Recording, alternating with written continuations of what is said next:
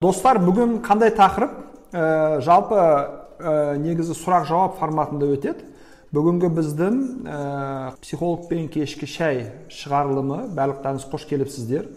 Мен ә, жалпы бүгін сіздермен ата аналар туралы сөйлескім келеді. Ә, қандай ата ана токсичный ата аналар туралы сөйлескім келеді. Ә, ата аналардың балалардың өміріне ә, кедергі келтіруі ата аналардың балдардың өміріне қатты араласуы ата аналардың балдардан былай айтқан кезде ә, көп нәрсе күтуі ә, одан кейін әртүрлі оларға жүк болуы сияқты тақырыптарды сөйлескім келеді. Ә, бұл тақырып жайдан жай шыққан жоқ жайдан жай шыққан жоқ. Өйткені соңғы кездері жекеге жазған адамдар көп болды.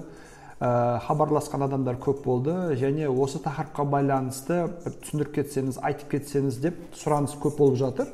Соған байланысты айтқым келеді. Ә, жалпы біздің әрине ә, қоғамымызда ә, ата ананың орны ерекше. Біз ата ананы сыйлаймыз құрметтейміз жақсы көреміз. Ата анаға байланысты көптеген нақыл сөздер бар мақал мәтелдер бар.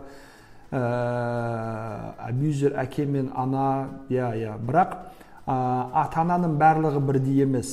Ата аналардың барлығы керемет мықты күшті кісілер емес. Мысалға мынандай кісілер бар. Мен алдын бір жұмыс істеген тәжірибемде ә, постоянно балдарынан ақша сұрайтын ата аналар ақша сұрайды жүк болады әр нәрсені талап етеді. Сен маған қарызсың сен маған міндеттісің дейді. Одан кейін сәл бір нәрсе болған кезде ә, психоэмоционально балдарын ә, манипулировать ететін шантажировать ететін ата аналар болады. Ә, бір жағынан біз солардың ата аналарының көңілін табуға тырысамыз. Бірақ екінші жағынан екінші жағынан біріншіден өзіміз екіншіден өзіміздің бала шағамыз семьямыз осыдан өте үлкен ә, зиян көреді осыдан өте қатты қиналады. Әсіресе ерлі зайыптар жас отбасылардың өмірінде бұл өте қатты кері әсерін тигізеді. Бұндай жағдайларда не істеу керек? Ата анаға ата ананы сыйлау құрметтеумен өзіміздің личный пространствомызды қалай қорғаймыз қалай сақтаймыз? Ата ананың әр айтқанын істеу керек па? Қай жерлерде және қалай ата анаға жоқ дей алу стоп дей алу болмайды дей алу өзіміздің ұстанымымызды жеткізе алу түсіндіре алу туралы бүгін соны айтқым келіп жатыр. ә, өйткені ә, көп жағдайда біз сол границаларды сол ә, шекараны дұрыс белгілемегендіктен ә, ата анамен жиі конфликтке түсеміз. Жиі конфликттен түсеміз. Вот абьюзер әкеден анамды мысалы как раз тақырыпқа байланысты комментарий келіп отыр. Абьюзер әкеден анамды айырып алып кеткім келеді. Анам қарсы емес әкемді де тастап кеткім келмейді. Как быть? Қартайған сайын күшейе түседі манипуляциялар. Иә иә иә иә иә иә. Вот сол манипуляцияны ажырата алуымыз керек. Өйткені манипуляцияны ажырата алмасақ олардың әр айтқанын қабылдап істей беретін болсақ онда біріншіден өзіміз зиян көреміз екіншіден өзіміздің семьямыз сол қарым қатынастан зиян көретін болады. Ә, сол үшін не істеу керек? Осыған байланысты сұрақтарыңыз бар болса комментарийлеріңіз бар болса басыңыздан өткен оқиғалар бар болса ә, комментарийге жазып отырыңыздар ә, бөлісіп отырыңыздар айтып отырыңыздар. Мына жерде төменде сұрақ белгісі бар карточкалар бар. Сол карточкаларға да сұрақтарыңызды ойларыңызды пікірлеріңізді жазсаңыздар болады. Мен алдымыздағы бір сағат уақыт ішінде бәрін оқуға бөлісуге жауап беруге тырысатын боламын. Ә, негізгі тақырып бүгін сол туралы сізбен сөйлескім келеді. Ә, енді ата ананың сізбен манипуляция жасап жасама, жасамай жатқанын білу өте оңай негізі. Айтып жатқан нәрселер сізге зиян келтіріп жатыр ма жоқ па? Егер айтып жатқан нәрселер ә, сізге зиян келтіріп жатса онда бұл тікелей манипуляция.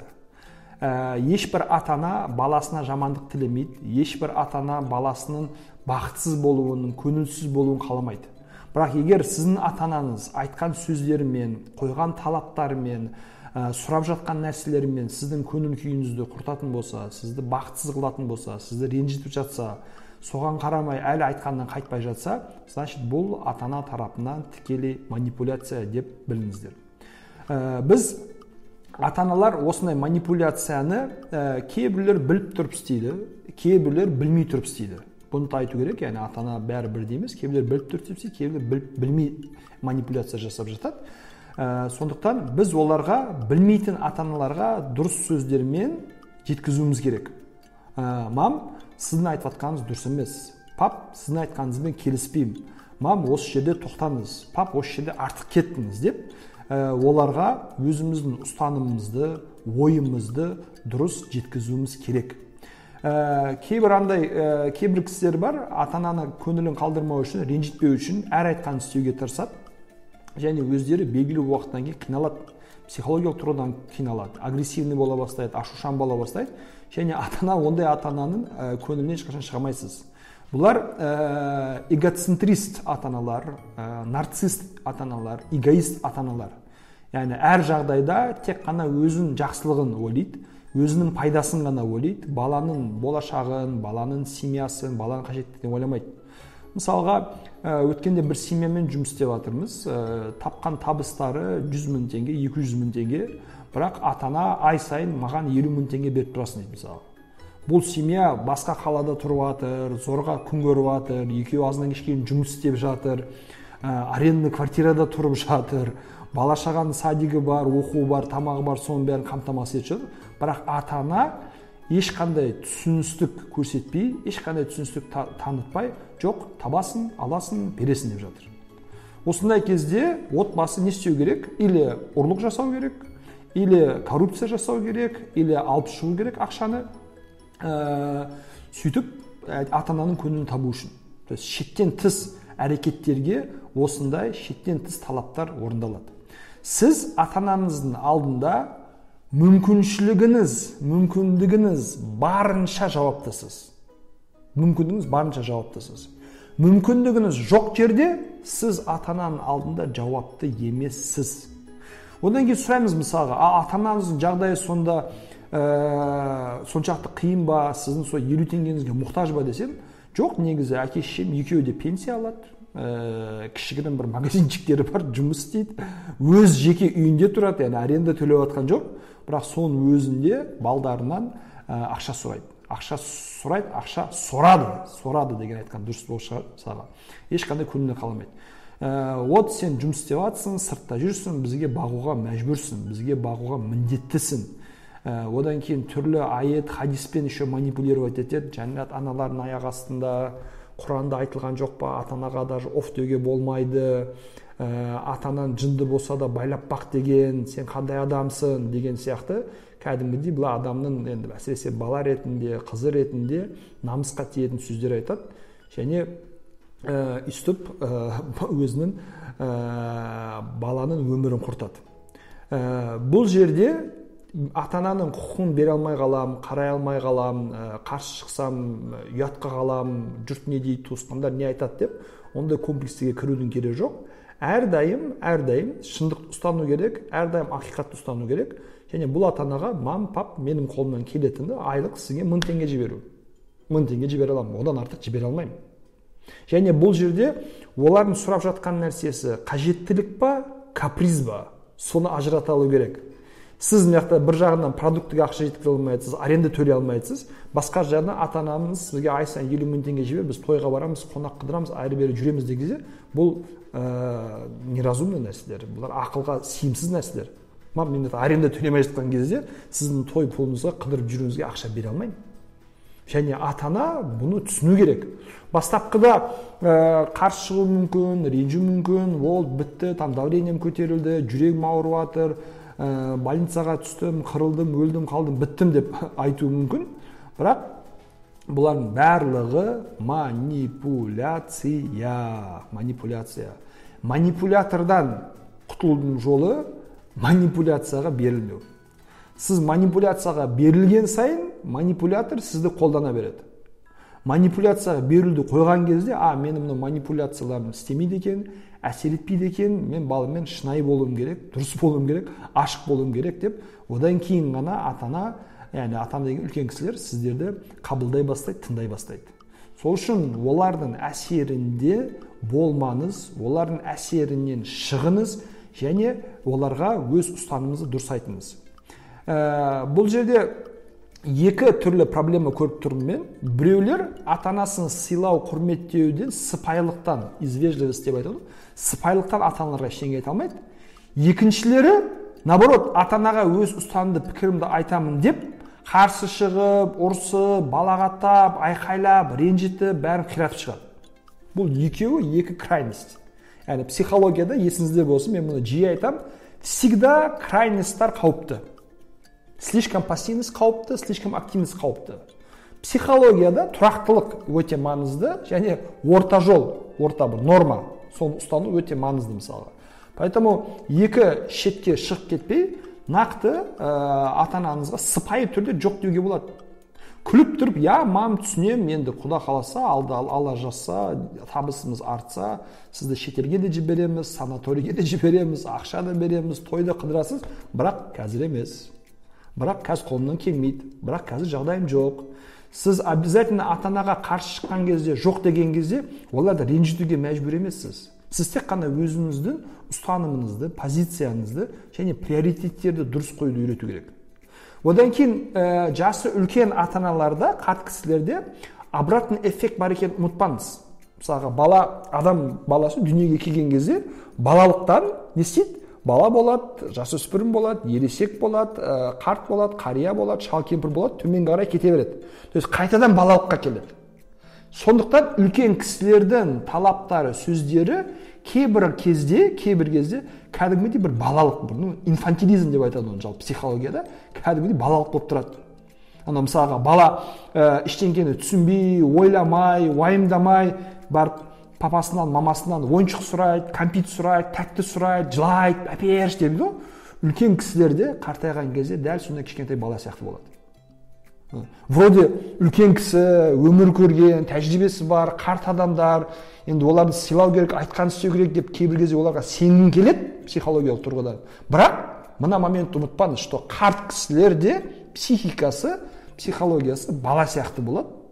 Және бұлар ненің дұрыс ненің бұрыс түсінбейді. Приоритеттерді кейбір кезде дұрыс қоя алмайды. Сондықтан керек керек емес жерде сізден қолыңыздан келмейтін қолыңыздан келмейтін нәрселерді талап ете бастайды бұлар токсичный ата аналар яғни бір жағынан адамның қанын ішетін өмірін уландыратын ата аналар ә, бұндай шындықты қабылдау өте қиын мен түсінемін мысалы клиенттермен жұмыс істеген кезде көбісі осы шындықты осы ақиқатты осы фактіні қабылдағысы келмейді жоқ менің ата анам ондай емес қалай бұл ата ана ғой деп мысалға мені өсірді бақты мәпеледі ә, деген оймен ата ананың осындай зұлымдық қастандық дұрыс емес әрекетін қателігін мойындағысы қабылдағысы келмейді. Мойындағысы келмейді. Бірақ ә, белгілі бір жұмыс істегеннен кейін жұмыс істегеннен кейін түсіне бастайды қабылдай бастайды көре бастайды. Ә, өйткені егер сіз ата ананың осындай әрекетін дұрыс қабылдамасаңыз онда бір ата ананың осындай қателігі ары қарай жалғаса береді екіншісі өзіңіз психологиялық тұрғыдан ауру болып кетесіз. Ә, көп ата аналар мысалы мынандай нәрсе айтады. Ә, балам мен сені бақтым қақтым оқыттым өсірдім аяққа тұрғыздым дейді да. И как будто андай осының барлығын бір андай банковский счет сияқты чек шығарып беріп короче за все мои услуги сен маған осынша қарызсың ай сайын осынша жіберіп тұру керексің мені жылына екі үш рет там шетелге апару керексің деген сияқты счет кәдімгідей шығарып тұрады енді. Бір жағынан ондай адамдарға ата ана деуге де ұяласың. Өйткені ата ананың махаббаты ешқандай ә, ответка күтпейтін мөлдір таза махаббат деп айтады. Ал счет құрып жатқан істеген жақсылықтарын бетке басып жатқан ата аналардың шын мәнінде психикасында бір ауытпалық бар. Олар яғни ол ненормальный нәрсе. Поэтому ата ананың сол жақтан дұрыс ондай ойлаға мынандай жауап беруге болады. Ә, окей енді ата ана баласын өсірмегенде қарамағанда не істейді? Және сіз мені өсірдіңіз бақтыңыз қақтыңыз мен мен не алкаш болып жүрмін ба ұрлықшы болып жүрмін ба коррупционер болып жүрмін ба сізді ұятқа қалдыратын нәрсе істеп жүрмін ба сізге қарсы шығып сізді ұрып соғып мысалы кейбір анау балдар бар ғой ішіп алып әке шешесін ұратындар сондай болып жүрмін ба? Жоқ. Сіз өзіңіздің өсірдім қақтым бақтым тәрбиеледім деген еңбегіңіздің былай айтқан кезде ақысын алып отырсыз. Мен құдайға шүкір қоғамда өз орнын тапқан әжептәуір бір азамат болдым. Ә, дұрыс орын ә, дұрыс орынға белгілі бір деңгейге келдім. Соның өзі ата ананың сол еңбегінің ақысы ретінде жеткілікті рахмет ретінде жеткілікті. Қаншама балдар бар. Ата анасының еңбегін бағаламай оларды қарттар үйіне тастап кетіп жатыр көшеге тастап кетіп жатыр үйін алып қойып жатыр пенсиясын алып қойып жатыр ұрып соғып жатыр ішіп келіп жатыр жұртқа масқара болып жатыр. Бірақ сіз олардың ешқайсысын істеп жатқан жоқсыз соның өзі жеткілікті. Және ата ананың ә, баланы оқып тәрбиелеп өсіруде бір жағында ол же эгоистік бір ұстаным да бар. Эгоистік бір ұстаным да бар. Өйткені ата ана болғаннан кейін ол ата баласы мақтанғысы келеді. Вот менің балам пәленше мектепте оқып жатыр. Вот менің балам түгенше университет бітірді. Вот менің балам грантқа түсті. Вот менің балам мына жерде жұмыс істеп жатыр деп мақтанғысы келеді. Ондай болса балаңды детдомға тастап кет көшеге лақтырып жібер туалетке тастап кет одан кейін жүр. Қоғамның ішінде қалай жүресің жұрт саған не дейді? Айналаңдағы адамдар сені қаншалықты бұл әрекетің үшін сыйлайтын болады. То есть істеген нәрсесінің пайдасын және ақысын уже көріп жатыр. Оның үстіне бір счет шығару бір ақша бөлу бұл дұрыс нәрсе емес. Осы ата аналардың токсичный қарым қатынастан абайлау керек ә, байқау керек дұрыстау керек. Но аят хадистерге кішкене психологиялық талдау жүргізетін болсақ мысалға жәннат аналардың аяқ астында дейді. Ә, бұл деген сөз ана ана аяқ астында жәннат болатын дәрежеге лайық болу керек деген сөз. Ең бастысы сол. Ең бастысы сол. Балдарын шынайы жақсы көріп оларға дұрыс тәрбие беріп дұрыс бағыт бағдар беріп өмірінде қолдау көрсету. Осындай аналардың астында жәннат болады. Әйтпесе дүниеге әр бала келген әйелдің аяқ астында жәннат бар деп айта алмаймыз. Ол аналық мақам аналық позицияның маңыздылығын түсіндіріп жатыр. Және сол позицияның маңыздылығына әрбір әйел негізі лайық болуға тырысу керек. Әйтпесе онымен манипулировать ету емес. Одан кейін не дейді мысалы құранда аят бар дейді ә, көп маған клиенттер айтатын нәрсе. Енді құранда айтылған ғой ата аналарға оф демеңдер оф демеңдер деген сөз оларға грубить етпеңдер дөрекі сөйлемеңдер боқтамаңдар ұрмаңдар қол көтермеңдер осы. Әйтпесе өз ойыңды білдірме өз пікіріңді айтпа өз позицияңды ұстанба емес. Одан кейін ата аналарын ренжітпеу керек. Иә ата ананы ренжітпеу керек. Бірақ егер ата ана необоснованно ренжіп жатса ну как сказать не в тему ренжіп жатса инфантилизм кесіне ренжіп жатса түсініксіз нәрсеге ренжіп жатса және ренішті манипуляция үшін қолданып жатса бұл ата ананы ренжіту ренжітпеу қатарына кірмейді. Кейбір адамдар бар сіз қанша да тырыссаңыздар да қолы тырнақ астынан кір іздейтін адамдар бар. Ешқашан оларға не өмір ренжіп жүреді. Сол кезде ойлайсың мә мына анамен біз тозақ тығып кетеміз ғой точно деген сөз мысалы. Оф демеңдер дегенді солай түсіну керек. То есть ол сіз ренжітетін әрекет жасамаңыз болды. Ал ол әр нәрсеге ренжиді ренжімейді қабылдайды қабылдамайды өкпелейді жылайды. Ол уже оның проблемасы оның жауапкершілігі. Сіз өзіңіздің сөздеріңізге әрекеттеріңізге нақты отчет бере алуыңыз керек. Мен ренжитін істеген жоқпын мам. Мен сізге боқтаған жоқпын дөрекі сөйлеген жоқпын. Сіздің айтқаныңызды істемеу бұл сізді ренжіту емес. Өйткені мен ересек адаммын. Өзіндік бір ойым пікірім бар. Ненің дұрыс бұрыс екенін ажырата аламын.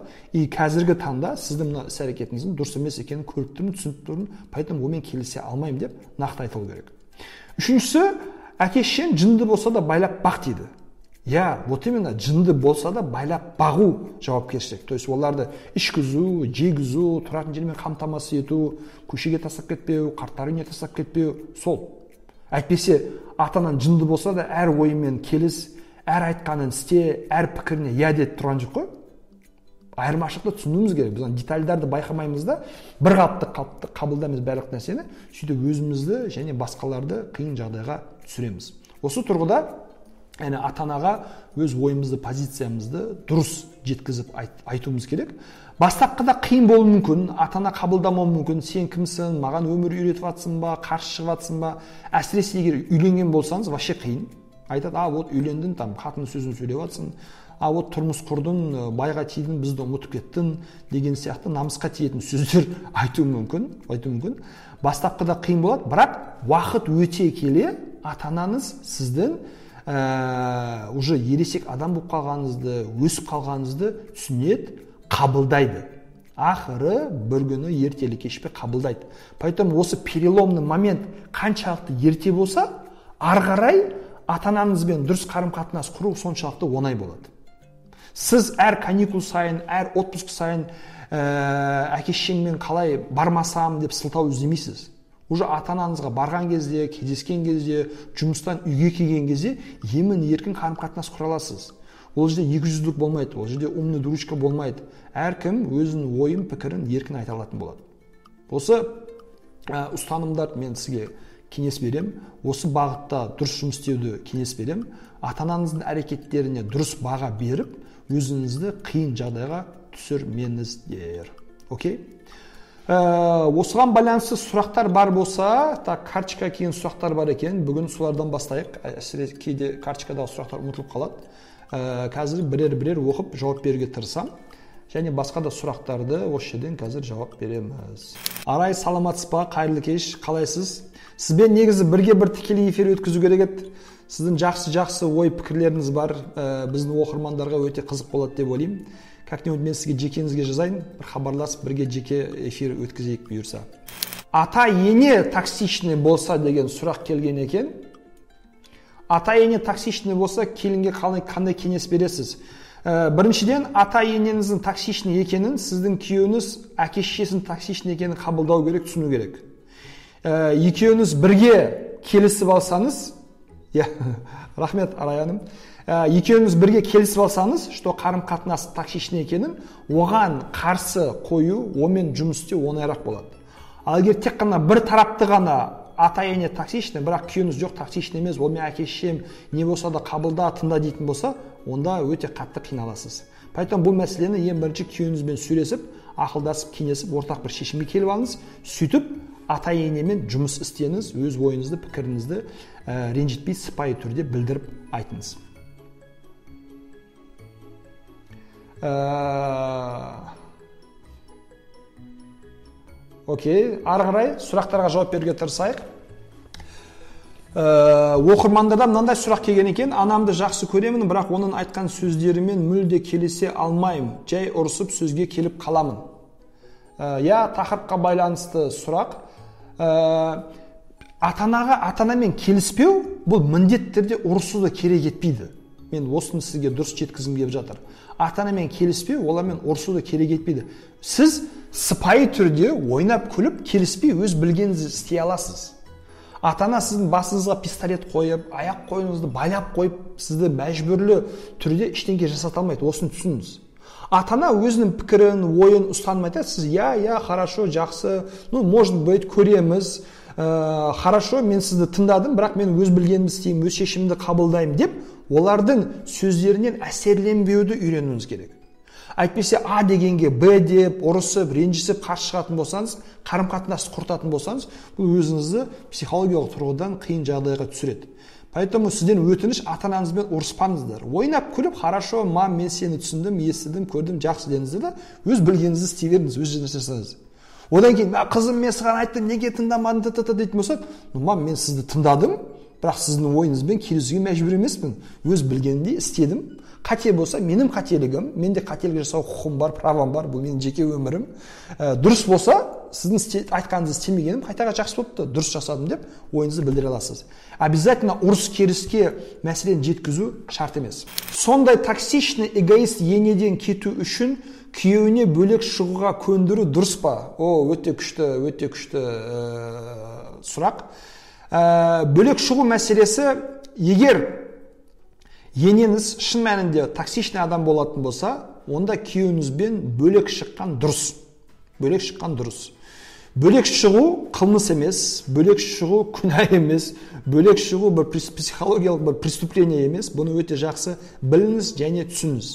Бөлек тұрып өте жақсы қарым қатынаста болуға болады. Бөлек тұрып қызмет ете беруге болады. Бөлек тұрып ата ананың жағдайын жасауға да болады.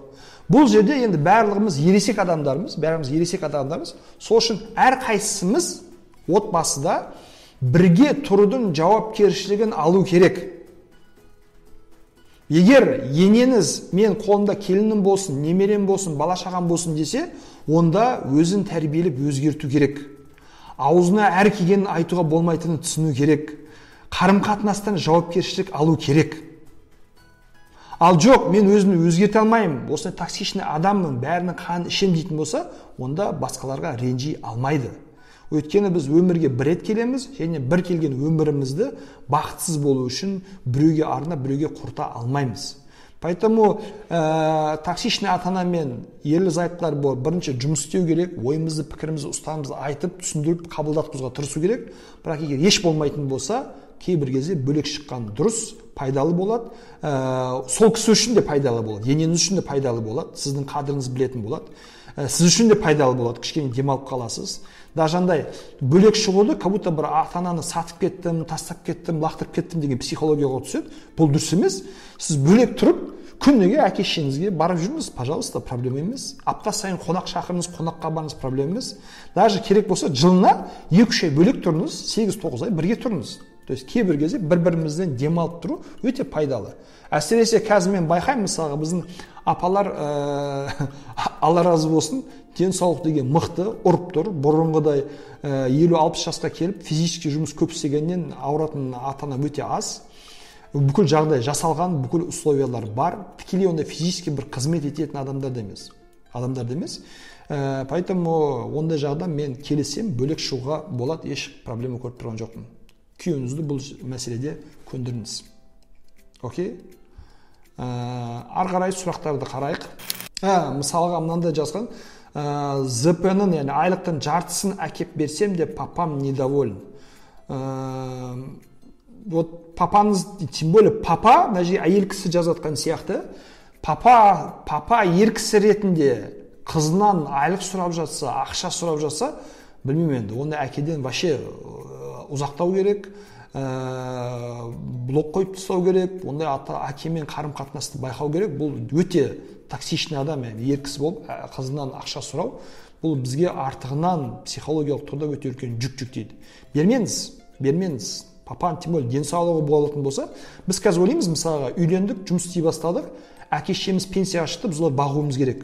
Жоқ әке шешені әке шешені материалды тұрғыдан сізге және басқаларға тәуелді болмас үшін әке шеше жұмыс істеу керек. Қарт кісілер болса да пенсияға да шықса да жұмыс істеу керек. Бұл жерде ата ананы былай құл ретінде жұмсау мәселесі емес. Қарт кісілердің үлкен мен сізге психолог ретінде маман ретінде айтып жатырмын қараңыз. Қарт кісілердің альцгеймермен ауырмау үшін ә, деменция болмау үшін мидың функциясы тоқтап қалмау үшін ұзақ өмір сүру үшін мүмкін болғанша көп жұмыс істеу керек ой пенсияға шықтым там қартайдым балдарым өсті болды мені бақсын деп үйде отырған ата ана жүз пайыз бәріне проблема болатын ата ана потому что энергия ұрып тұр күш тасып тұр соның бәрін дұрыс бағытқа бермегендіктен не істейді балдарының өміріне араласады қыздарының өміріне араласады әр нәрсеге өзінің ақылымен пікірімен ойымен токсичный, токсичный атмосфераны жаяды бұл неге ұқсайды білесіз ба андай? Ә, тұрып қалған су саси бастайды ғой отырып қалған адам да саси бастайды.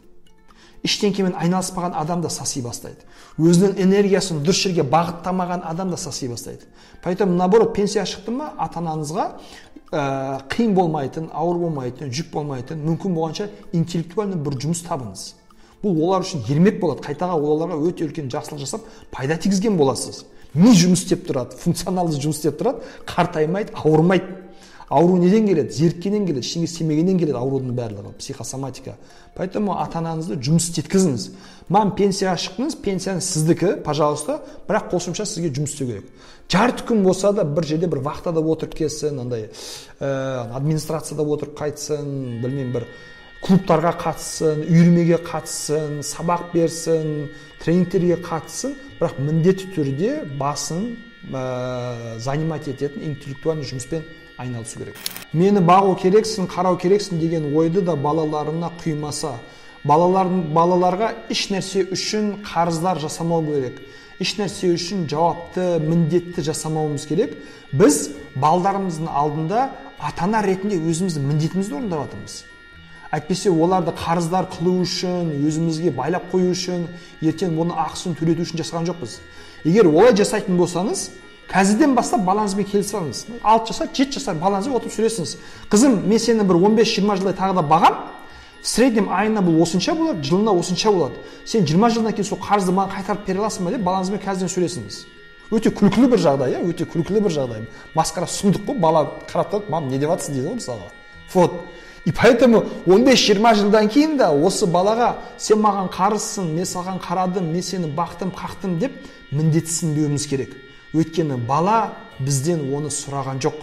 Бала бізден оны талап еткен жоқ. Бала бағып қағудың ертең бір оказывается есебі болатынын білген жоқ. Білсе мүмкін даже айтатын еді бақпай ақ қой тогда қарамай ақ қой деп айтуы мүмкін еді. Және де қазіргі ата аналар балаларға өз ойын навязывать етпесін. Өз ойын навязывать етпесін дегенді былай түсіну керек. Ә, әрбір адам енді өзінің білгенін бөліскісі келеді ә, пікір айтқысы келеді тәжірибемен бөліскісі келеді айтқысы келеді. Бұны бір жағынан ойын навязывать ету деп қабылдауға болады бір жағынан просто бір адамның жеке ойы пікірі пайдалы қызық жақсы болатын болса алам қолданам. Пайдалы болмайтын болса қызық болмайтын болса не актуальный болатын болса қолданбаймын деп сіз өзіңіз фильтровать етуіңіз керек. Әйтпесе аузын жап сөйлеме ештеңке айтпа пікірін навязать етпе деп ата анаға олай қарсы шығу да дұрыс емес. Бұл жерде мәселені ара жігін дұрыс түсінуіміз керек. Бұл да дұрыс емес. Сіз отырып емін еркін түрде ә, окей хорошо жақсы тыңдадым вот именно ол навязывать ретінде қабылдамаңыз. Өзінің ойын пікірін айтып жатыр. Бірақ амал ету сіздікі. Шешім қабылдау сіздікі. Сіз шешім қабылдаған кезде әрекет еткен кезде амал жасаған кезде ата анаңыздың просто ұнамаған жерін алмаңыз. Болды сол кезде қарым қатынасыңыз дұрыс болады. Ә, анам үнемі ұратын бала кезімде жаман сөздер айтатын сосын үнемі өлемін деп бізді қорқытатын. Иә иә иә иә өкінішке орай ә, ондай ата аналар да бар. Ә, балдарын ұрады соғады одан кейін ондай балдарда өзінің сенімсіздік пайда болады комплекс пайда болады белгілі бір травма пайда болады. Және одан кейін сәл бір қарсылық айтсаң сәл бір нәрсе айтсаң өз өзімді өлтіремін деп қорқытады. Ә, мен сізге мынандай бір сыр айтайын сыр айтайын. Ә, өлемін деп айқайлайтын адамдар ешқашан өлмейді. Ну по крайней мере өз өзін өлтірмейді это точно. Поэтому өлем деген адам өліммен қорқытатын манипулировать ететін адамды өз қаруын өзіне қарсы қолдану керек. А өлесің ба? Окей хорошо жақсы. Значит сен бізді жақсы көрмейсің. Значит сен бізді ойламайсың. Значит сен осындай эгоист адамсың. Өзінің айтқаны болмады деп өліп бізді ренжітуге қайғыруға қайғыртуға дайын екенсің деп сол сөзді өзіне қарсы қолдану керек. Өлесің ба? Окей значит біз саған керек емеспіз өсіп қалған балдар ретінде балдарымыз немере ретінде саған керек емес. Сен тек қана өзін ойлайтын эгоист бір адам екенсің значит. Окей хорошо яғни өмір сүргің келмесе мен саған не істей аламын? Аяқ қолыңды байлап қоя алмаймын бірақ мына айтқанды істемеймін. Бірақ мына айтқанды орындамаймын. То есть манипуляцияның манипуляция екенін ажырата алып соны сіз ата анаңызға қарсы дұрыс айтқан кезде ата ана опа так менің манипуляциям оказывается не действует жасамайды екен болмайды екен тактиканы ауыстыру керек деп келуі мүмкін. Немесе шынайы қарым қатынасқа ашық сөйлесуге сол кезде үйреніп ә, қайта тәрбиеленуі әбден мүмкін. Әйтпесе кішкентай кезінде ұрып соғып одан кейін өліммен қорқыту бұл бір жағынан білмеймін енді бір зұлымдық. Басқа түрлі нәрсе айта алмаймын. Ә, құрметті көрермендер құрметті оқырмандар достар ә, комментарийға бір қалап жіберейік не деп жатсыз қандай ойлар айтып жатсыз қызық болсын деп. Э, ержан мырза менің анам әр алып, алып берген нәрсесін міндет қыла береді. Ә, мені өмір бақи қарыздар қылады. Үй алғанымда бір жарым миллион қосқан сол берген ақшасын айтып қоймайды. Үйді мен алып бердім дейді. Иә иә иә иә иә иә иә иә ондай адамдар болады өкінішке орай. Ә, оған ә, ата анаңыздың айтып жатырмын ғой сөздерінен әсерленбеуге тырысыңыз. Әсерленбеуге тырысыңыз. Окей жақсы мам үйді алып бердің енді қуанбайсың ба? Балаң көшеде жүрген жоқ бомж болып жүрген жоқ ә, съемный квартирада тұрған жоқ. Ә, осы алып ақша қосып ат салысып алып берген үйіне сен ана ретінде емін еркін қонаққа келіп жатсың немерелеріңді сүйіп жатсың қыдырып жатсың бұл сен, сен үшін де пайдалы ғой. Мысалға ана бар ғой ата аналар ә, баласын баққаны үшін счет шығаратын ата аналар мысалға ата анасын баққаны үшін счет шығаратын балалар болса қалай болады? Идея ретінде. Маған мысалға сіз мен басқа қалада тұрып жатырмын сіз маған қонаққа келдіңіз иә? Білесіз ба гостиницада бір түн қону 15 мың теңгеден басталады. Просто проживание и завтрак 15 мың теңге. Сіз бес алты күнге келдіңіз күніне үш мезгіл төрт мезгіл тамақ жеп жатсыз тегін үйде тұрып жатсыз за это мен тогда сізге счет шығарып тұрайын да? Төрт күннен кейін мама алпыс мың теңге қарызыңыз бар пожалуйста оплатите за проживание и питание. Ну питание санамаған кезде даже мысалға то есть ата анаға осылай бір бірімен есептесетін болсақ өте күлкілі жағдайға түсеміз және осының ішінен шыға алмайтынымызды білуіміз керек түсінуіміз керек. Ата анамен әрдайым ә, шынайы қарым қатынаста ашық қарым қатынаста сүйіспеншілік қарым қатынаста сыйластық қарым қатынаста болудың барлығына өте пайдалы болатынын түсіндіру керек. Күле бастадыңыздар ғой. Ту ұмытып кетіп берем кешкі шайды ұмытпаңыз омарова жетпіс жеті деген оқырманымыз. Напоминание қойып қойыңыз ескертіп қойып қойыңыз қазір уже кешкі шай бітейін деп жатыр уақыт аз қалды. Шайыңыздарды ішіп отырыңыздар. Психологпен кешкі шай. Ә, окей окей окей окей окей окей. Осы тақырыпқа байланысты айтқым келеді. Шум. А шум иә мына жерде ә, зданияда не сигнализация ма пожарный бір нәрсе ойнаған екен. Қазір ана кісілер жігіттер өшіріп тастады. Шум мешает иә. Иә иә өшірдік то есть ну менің қолымда болмаған нәрсе. Мхм. Әкем үйде анамды кішкентай кезінен ұрады. М соңғы ұрған кезде мен әкеме қол жұмсап өзін ұрдым. Енді бізді үйден қуып мені жетесіз ол анамды сорлы әйел атап отыр. Мұндай жағдайда не істеу керек? Кетіңіз. Бұндай жағдайда бұндай адамнан кету керек. Жалғыз қалдыру керек. Үйі де құрсын өзі де құрсын бөлек кетіңіз. Ә, ну соттасу арқылы үйді бөліп алсаңыздар да болады негізі. Бірақ бөлек шығып жаңадан дұрыс өмір бастаған сіз үшін қайда пайдалы? Өйткені өмірдің бәрі алда сіз жассыз мықтысыз күштісіз қолыңыздан барлық нәрсе келеді. Алла тағала бұйырса өзіңізге күшті үй салып аласыз үй алып аласыз. Бірақ осындай тиран адаммен тұрмау керек одан кету керек. Пока ол психологқа барып емделмегенше түзелмегенше бұндай адамдардан қарым қатынасты үзу керек. Бұл тек қана биологиялық тұрғыдан әке. Ә, қағаз жүзінде күйеу адамдар. Әйтпесе ешқандай әкелік жасап жатқан жоқ ешқандай күйеулік бір жар ретінде өзінің міндетін орындап жатқан жоқ жоғары қарай комментарийлерді оқып жатырмын. Дыбыс кедергіп жатыр. Иә иә иә иә түсіндім дыбыс кетті. Ана мен бала жақсы проблема келінде болса не істеу керек? М, бұл да жақсы сұрақ. Кім сұрап жатыр ер кісі сұрап жатыр екен иә ондай да болуы мүмкін біз мына жерде ешкімді категорично залым ешкімді категорично всегда прав деп айтқан жоқпыз просто бүгінгі тақырып токсичный ата аналар болғандықтан жалпы сол туралы айтып жатырмыз а так келінде проблема болса тәрбиелеу керек сөйлесу керек түсіндіру керек мұның қажеттігін анықтау керек просто келін әлі жас болғандықтан өмірлік көз қарасын өзгерту оңай өзін қайта тәрбиелеу оңай мәмілеге келу оңайырақ болады. Үлкен кісілер көбінесе қатып қалған болады да поэтому олармен проблемаларды шешу қиын болады. Келінде проблема болса келінмен сөйлесу керек. Ә, проблеманың себебін анықтау керек және ә, үлкен кісі ретінде әңгімелесіп мәмілеге келу керек. Проблемный келіндер де бар. Қаласаңыздар бір эфирді соған арнасақ болады. Проблемный келіндер және оларды тәрбиелеу жолдары деп. ватсапта қайын жұрт чатында болудың қажеті жоқ деп ойлаймын. Ә, тұрмыстамын но папа ағамның зарплатасы маманың пенсиясы келіннің ақшасын алып отырады. Ағам папаның көңілін қимайды. Жеңгем ағама да папама да ренжиді.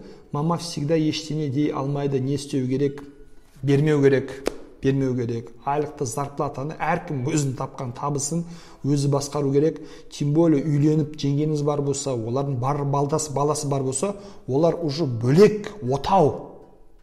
Мысалы неге үйленген адамды отау құрды дейді? Бөлек мемлекет бөлек ел. Олардың ішкі саясаты болады сыртқы саясаты болады. Ішкі қарым қатынастары болады халықаралық қарым қатынастар болады. Ішкі бюджеті болады сыртқы бюджеті болады деген сияқты.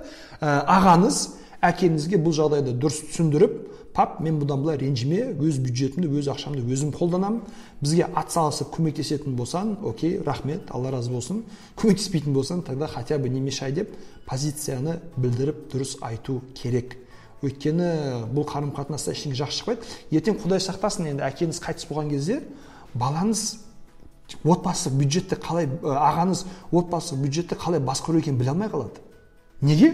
Өйткені өмір бойы әкем басқарды әкеме ақшаны беріп қоямын болды жүре беремін. Қайда қанша жұмсаймын қалай үнемдеймін қалай жинаймын қалай жоспарлаймын ешқандай ондай бір навыктар дағдылар қалыптаспаған болады. Поэтому әкеге осы жағынан да түсіндіру керек. Ертең ағаңыз бұның тек қана зиянын көреді.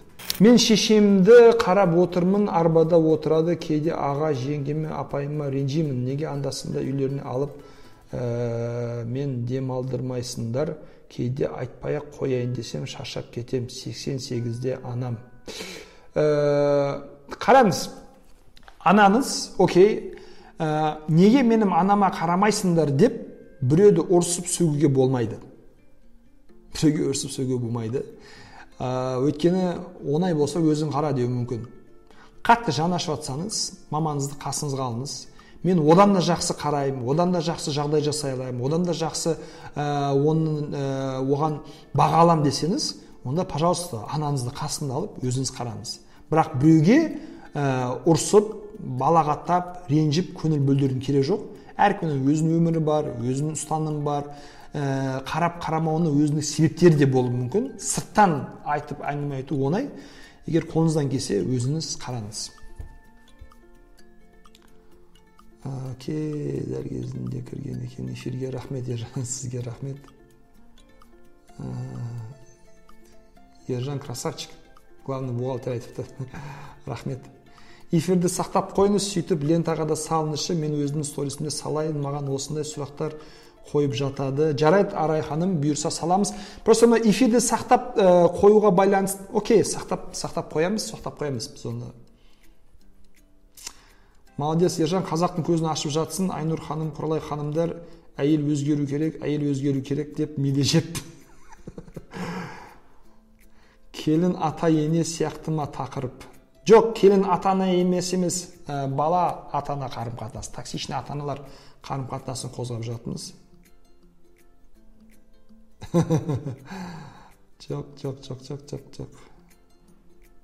Окей окей окей төменге қарай кете берейік сәлеметсіз бе оқуға барғым келеді шетелге жасым 25-те қыз баламын шетелге оқуға кетейін десем ата анам күйеуге ти ти деп ренжиді тұрмысқа шыққым келеді жігітім жоқ әйтеуір шыға салғым келмейді ә, дұрыс ну ата анаңызды тыңдамаңыз сіздің өмірлік ұстанымдарыңыз тұрмыс отбасын қашан құру керек? Отбасын. Бұл жерде де енді ата ананың былай айтқан кезде ә, ойын навязывать ету мәселесі ғой. Ә, ата анаға мынаны түсіндіру керек. Мам пап мен қаншада дедіңіз? Жиырма бестемін уже. Әжептәуір адаммын. Ә, жоғары оқу орнын скорее всего бітіргенсіз. Дипломым бар білімім бар өмірлік белгілі тәжірибем бар. Ұстаным көзқарасым бар. Мен өзіме лайықты жігіт тапқан кезде үйленемін то есть ешқашан үйлену үшін үйленуге болмайды. Сіз өзіңізге лайықты сыпайы керемет жауапкершілігі бар красавчик бір жігітті кездестіресіз? Одан кейін барып мен осымен тұрмыс құрайын үйленейін отбасы болайын деп шешім қабылдайсыз. Әйтпесе так үйленуім керек не сезім не сезем а вот давай үйлене салайын не үшін? Ата анам айтты. Ертең сол кісімен өмір сүретін ата анаңыз емес. Ертең сол кісіден құдай сақтасын қорлық көретін ата анаңыз емес. Ертең сол кісімен отбасы болмай қалып ажырасып кетіп үш баламен қалып қоятын ата анаңыз емес.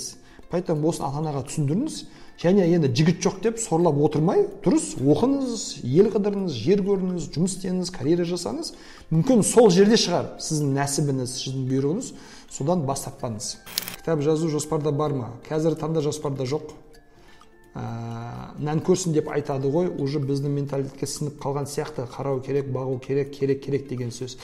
Иә ә, ә, ондай біздің менталитет бар бірақ біз ол менталитеттен бас тартпаймыз. То есть мен мынаны қате түсініп қалмаңыздар. Біз токсичный ата ана деп жатырмыз то есть әр ата анадан бас тартыңдар қарсы шығыңдар қарамаңдар көмектеспеңдер жағдай жасамаңдар деп айтып жатқан жоқпыз. Қате түсінік болмасын. Тек қана өзіңіздің шамаңыз келгенше мүмкіндігіңіз болғанша көмектесіңіз. Ары қарай қолыңыздан келмесе сіз мынаны ұмытпаңыз. Сіз ата анаңыздың бүкіл проблемаларын шеше алмайсыз. Сіз туысқандарыңыздың бүкіл проблемаларын шеше алмайсыз. Және әр адамның басына келген проблемалары ол сол адамның өзіндік емтиханы өзіндік сынағы. Және сол проблемаларды өзі шешу арқылы белгілі бір психологиялық иммунитет қалыптасады характер қалыптасады тәжірибе жинайды өзінің қателіктерін түсінеді дәрежесі артады. Ал сіз оны бүкіл проблемаларыңызды араласып сіз шешуге тырыссаңыз ол адамда мінез қалыптаспайды характер қалыптаспайды және өмірде піспейді.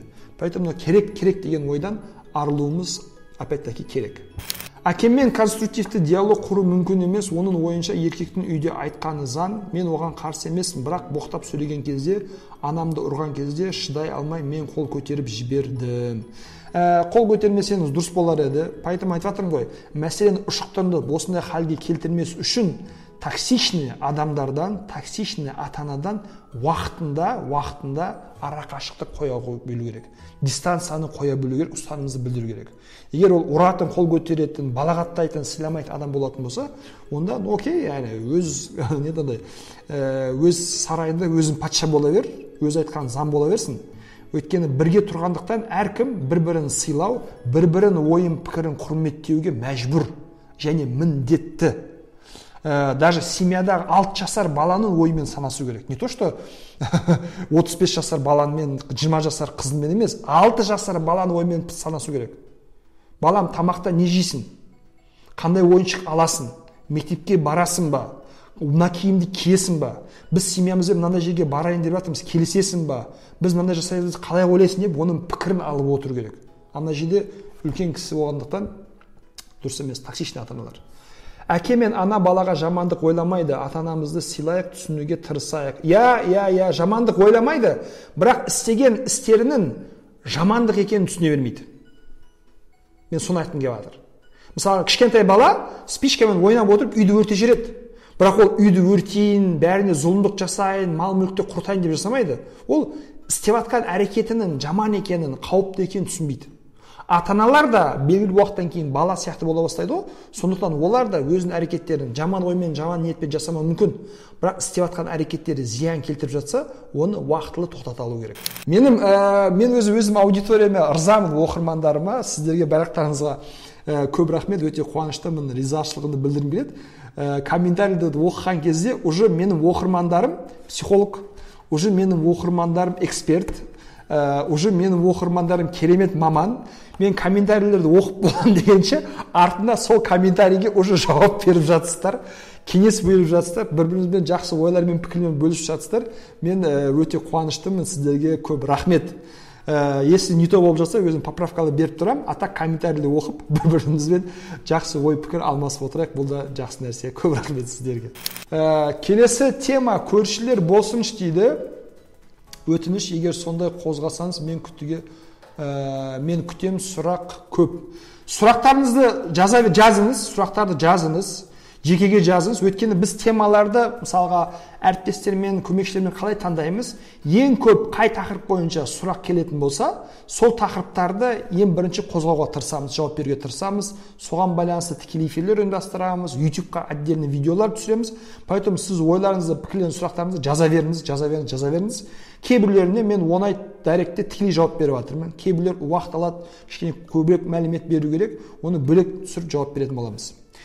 Ә, келіннің айлығын алған дұрыс па деген келіннің айлығын алған дұрыс емес ә, әйелдің айлығын алған дұрыс емес оның тапқан табысы өзімдікі болу керек. Ал егер келін өзі анда санда енеме ағама туысқандарыма жақындарыма күйеуіме атсалысайын бөлісейін көмектесейін деген ой болатын болса пожалуйста ол құп болады. Бірақ ай сайын карточкаңды алып кел айлығымды беріп отыр деген дұрыс емес. Келін келін деп аламыз бірақ бұл келін біреудің қызы екенін ұмытпау керек. Оның да әке шешесі бар оның әке шешесінің қажеттіліктері бар оның әке шешесі ауырады. Өзінің қызы болғаннан кейін баласы болғаннан кейін жаны ашиды кейбір кезде бір дәрісіне бір нәрсе көмектескің келеді бір жағдайына атсалысқың келеді. Сондай кезде ақшаның бәрін енене қайнатана күйеуіне беріп қойып қиналып отыр. Бұл психологиялық тұрғыдан келінге яғни әйел кісіге үлкен бір қысым давление деп ойлаймын. Поэтому келіннің айлығын алған дұрыс емес. Дос балам арақ ішеді жанұясына тыныштық бермейді мен қалай көмектесе аламын? Сөйлесіңіз. Әңгімелесіңіз тәрбиеленіңіз шынайы дос болса сізді сыйласа құрметтесе сөзіңізді тыңдайды. Араласыңыз дұрыс емес екенін түсіндіріңіз. Керек болса ә, жақсы бір психолог маманға апарыңыз. Жақсы психолог маманға апарыңыз. Сөзі өтетін әсерлі тұлғалармен кездестіріңіз. Соны айтқанын істеткізіңіз бірақ бейжай қарап тұрмаңыз. Күйеу ақша бермесе не істеу керек? Үнемі кекетіп сөйлесе не істеу керек? Күйеу ақша бермесе ә... талап ету керек талап ету керек. Және ақша бермегеннің зардабын шектіру керек. Мысалы көп адамдар өзінің істеген іс әрекетінің пайда зиян екенін түсіне бермейді. Қашан соның зардабын көре бастайды? Сол кезде а мынаны істегенім дұрыс емес екен деп ойланады. Поэтому сіз қарым қатынасыңызда істеген әрекеттің зардабын көрсетсеңіз онда елеп кішкене сізді тыңдайтын болады. Мынандай сұрақ келген екен. Ер адам ғана отбасын асырау керек дегенді дәстүрлі дініміз аясында түсіндіріп бере аласыз ба? Үйленер алдында болашақ жарына отбасы финансына үлес қосуын сұрау мәселесі туралы айтсаңыз. Ә, ер адам психологиялық тұрғыдан да діни тұрғыдан да отбасын асырауға міндетті. Ә, табыстың негізгі табыс көзі ер кісіде болу керек. Ә, әйелдің тапқаны әйелде болу керек. Ә, бірақ қазір заман өзгеріп жатыр. Заман өзгеріп жатыр. Және ә, кейбір әйел кісілер кейбір кезде кейбір еркектерден ақылдырақ болады пысықтырақ болады қолынан көп нәрсе келеді. Вот. Сондай кезде әйелден көбірек ақша табуына кедергі болмау керек. Яғни бұл жерде рольдерді ауыстыруға болады. Бұл біздің стереотипте қалыптасқан нәрсе. Тек қана ер кісі табу керек ер кісі бағу керек деген. Бірақ мысалы мен кейбір ер кісілерді танимын енді кешіресіз бас тимейді тупой ақымақ ми жетпейді. Бірақ алла тағала қасына өте керемет пысық ақылды білімді көреген бір әйел берген.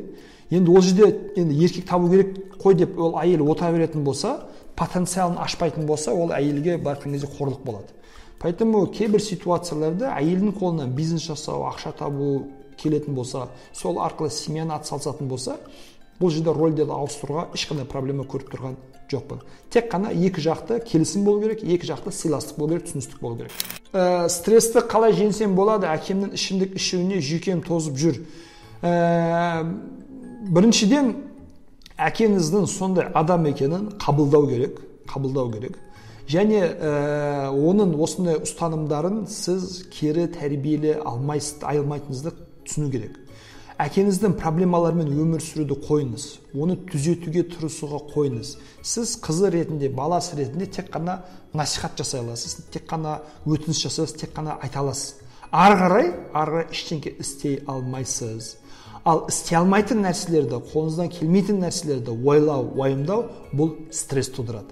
Стресстен құтылғыңыз келсе әкеңіздің проблемасымен өмір сүруді қойыңыз. Сіздің өзіңіздің семьяңыз бар бар болса егер бала шағаңыз бар өміріңіз бар карьераңыз бар оқуыңыз бар энергияны соған беріңіз. Сол кезде позитивті түрде заряд алғандықтан негативті нәрселердің әсерінен стрессінен құтылған боласыз. Жақсы? Құрметті көрермендер барлықтарыңызға көп рахмет. Ә, барлықтарыңызға көп рахмет. Осымен біздің тікелей эфиріміз өз мәресіне соңына жетіп қалды инстаграм ескерту бойынша бір минут уақыт қалды дейді қолымыздан келгенше сұрақтарға жауап бердік қалған сұрақтарды бұйырса дайректке жазыңыз ертең 21.00-де тікелей эфирде кездесеміз сұрақтарыңызға ары қарай жауап беретін боламыз қандай тақырып қозғалсын десеңіз дайректке сұрақ ретінде тақырып ретінде жазыңыз ең көп жазған тақырыпты бұйырса алдағы уақыттарда талқылайтын боламыз аман болыңыз ауырмаңыз тек қана жақсылықта кездесейік сау болыңыздар